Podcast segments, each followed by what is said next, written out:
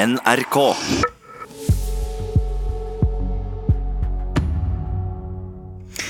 I eh, over 50 år så har det vært tvil om et maleri som Nasjonalmuseet eier er en ekte van Gogh. Og I går så kom svaret. Det er ekte.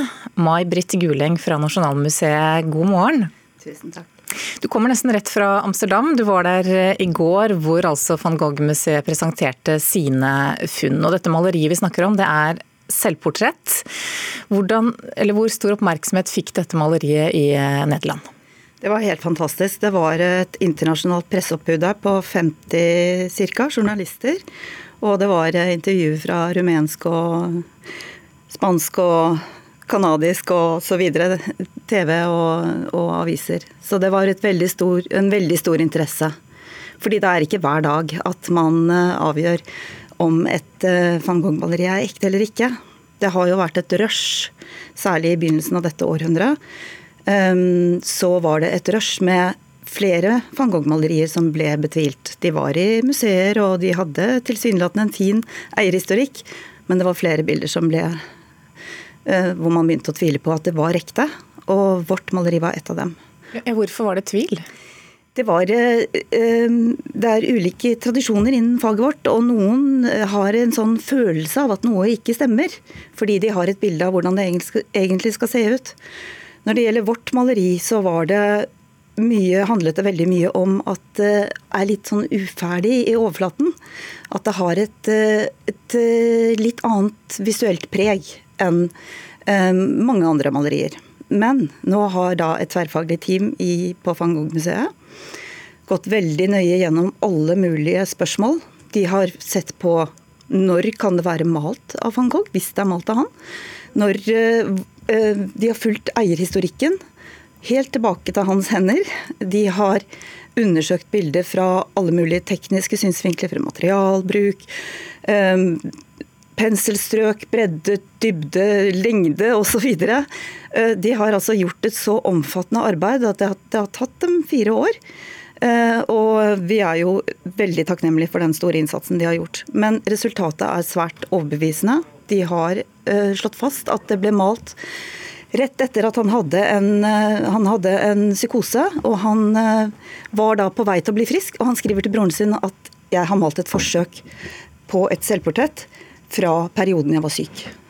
Så dette er malt mellom 22.8 og 1.9.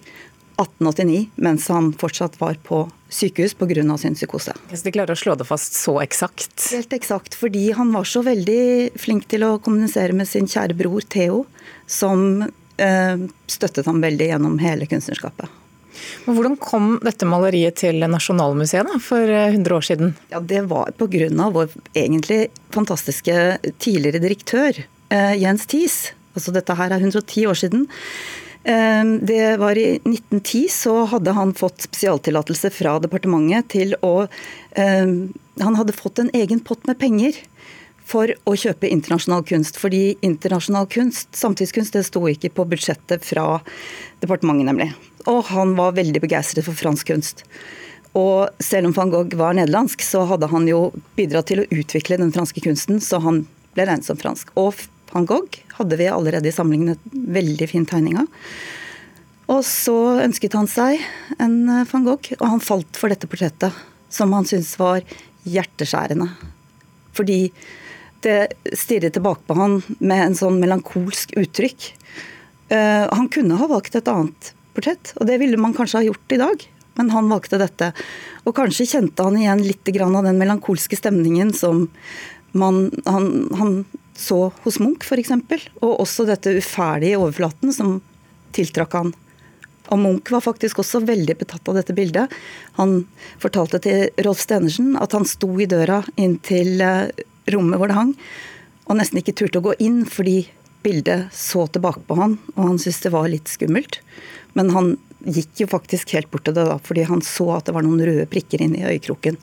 Og de hadde han ikke sett hvis han hadde stått i døra. Mm. Og For de som ikke ser dette bildet for seg nå, så kan de f.eks. gå inn på nettsidene våre. Der eh, ligger det et eh, bilde av maleriet. Det ble jo kjøpt for 10 000 franske franc. Hvor mye er det verdt nå? Det er nok verdt en god del, men eh, vi skal jo aldri selge det. og vi snakker aldri om pris. Okay. sikkerhetsmessig hensyn. Men det er klart at det er, har stor betydning for oss. Ikke minst fordi det er så veldig dypt forankret i hele vår institusjonshistorie, og fordi at det er den eneste van Goghen i Norge. Og Jens Thies var også veldig forutseende. Han var den første museumsdirektøren som kjøpte et selvportrett av van Gogh. Så han var tidlig ute. May-Britt Guleng, takk for at du kom hit til Nyhetsmorgen. Og nå skal vi snakke om eh om eh, NRKs nye lørdagssatsing. Eh, det kommer til å komme til din TV i slutten av februar. Det heter Kåss til kvelds. Ingen overraskelse da at Else Kåss Furuseth er programleder. Velkommen til oss, Else. Tusen takk. Hva er Kåss til kvelds? Kåss til kvelds det er en, eh, lørdag, et, et, et, lørdagsprogram.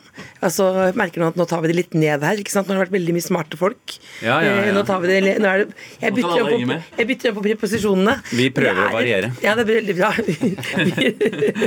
Dette er et lørdagsprogram eh, eh, som er en ganske klassisk oppbygning, med en eh, god buet sofa med gjester, eh, som jeg skal styre skuta, som vi håper ikke blir Titanic.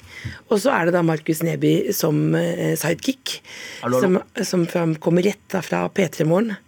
Mm. Eh, og inn i TV-ruta, eh, som er da en ydmyk multikunstner, som han kaller seg selv. Ja.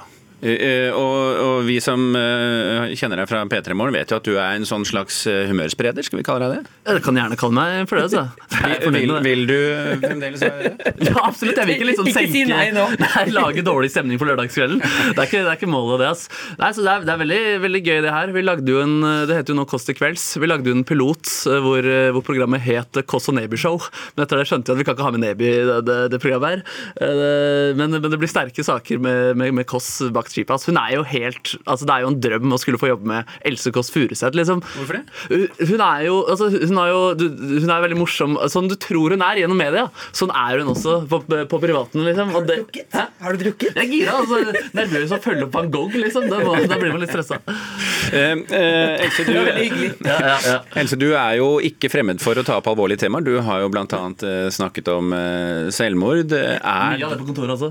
Mye av det på kontoret òg, ja. Men, men, vil det være et, et lørdagsshow uh, med uh, hopp og sprett og tjo og hei fra Neby, og, mens du sitter og tar de alvorlige temaene? Nei, her er det, her er det humor i fokus. Eller iallfall det å slappe av og kose oss sammen, og ikke minst da gjestene, da. Det er en sofa med, hvor det hele tiden er gjester som sitter gjennom hele programmet. Eh, og eh, jeg er jo aldri redd for å prate om eh, alvorlige ting, men her så skal vi kunne tulle med alt. Så her er det kosen og moro i fokus og, og fra slags, begge to. Hva, hva, slags eh, type gjester ser du for deg? Det, det blir jo som en liten sånn rekekabaret eh, med både egg og reker. da. Altså alle typer folk. Altså Jeg håper at vi kan rett og slett speile Hvem er Aspikken? Hvem er Aspikken? Det er Markus. det er Markus. Eh, men nei, det er da det er, Jeg håper vi kan speile at det er 2020 med en variasjon, og at vi kan føle at vi er relevante. Aktuelle gjester, men også bare folk som vi tror kan fortelle morsomme historier. Men Blir dette gjester fra liksom, deres humormiljø? Er det det Nei, her åpner vi opp. Vi snur eh, iPhonen utover. Eh, så her, du kan være gjest du også, absolutt. Ja, jeg kan den dagen, tror jeg. Så det... Ja, du kan, du kan det. um, eh, hva skal vi eh, glede oss til mest, syns dere? Eh, jeg tror at du kanskje eh, Man skal jo ikke love for, love for mye, men jeg håper jeg håper ikke det blir sånn krisemøtestemning at noen må gå.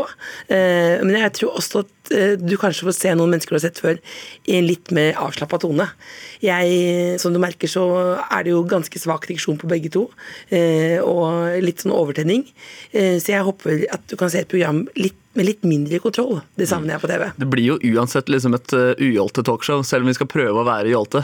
I dag så har jeg for første gang prøvd å strøke skjorta mi, men det gikk jo ikke bra for de som ser på TV, eller dere som sitter i studio. Og det er egentlig et ganske greit bilde på hvordan talkshow også blir, tror jeg. Ja, men det er uh, tross alt en måned til, så du har gode muligheter til å bli en flink stryker innen den tid. Ja, det er mange som har prøvd, uh, eller jeg har prøvd lenge. Det går nok ikke, det. Spørs om dere får gjort noe med diksjonen på den tiden, men Det har de ikke ressurser til her i NRK. NRK har en egen uh, person? Ja, vi har vært der begge to, jeg, jeg, kan ikke hjelpe deg. Ok.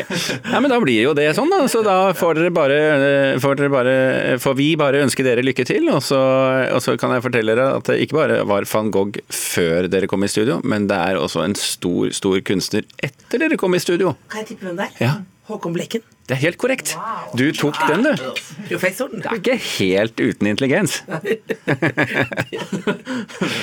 Takk skal dere ha, Else Kåss Furuseth eh, og Markus Neby, altså med nytt eh, show eh, ganske snart.